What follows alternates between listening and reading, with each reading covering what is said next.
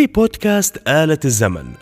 سيقوم جني آلة الزمن بترك الباحث المتخصص مكانه هناك عند المصادر. وسيصطحبك أنت الباحث عن المعلومة اللطيفة الواضحة والمباشرة. وسيحلق بك بثلاث رحلات سريعة خفيفة إلى أماكن مختلفة في كوكبنا وخارج كوكبنا. وبأزمنة مختلفة داخل تقويمنا وخارج تقويمنا. ستستمع أثناء الرحلات لشخصيات وأحداث ستخبرك هي بلسان حالها عن حالها أو ربما لن تخبرك بشيء وستستفز فضولك وستقوم عندها بالبحث في المصادر ويزيد عدد أصدقائنا الباحثين المتخصصين باحثا جديدا آخر.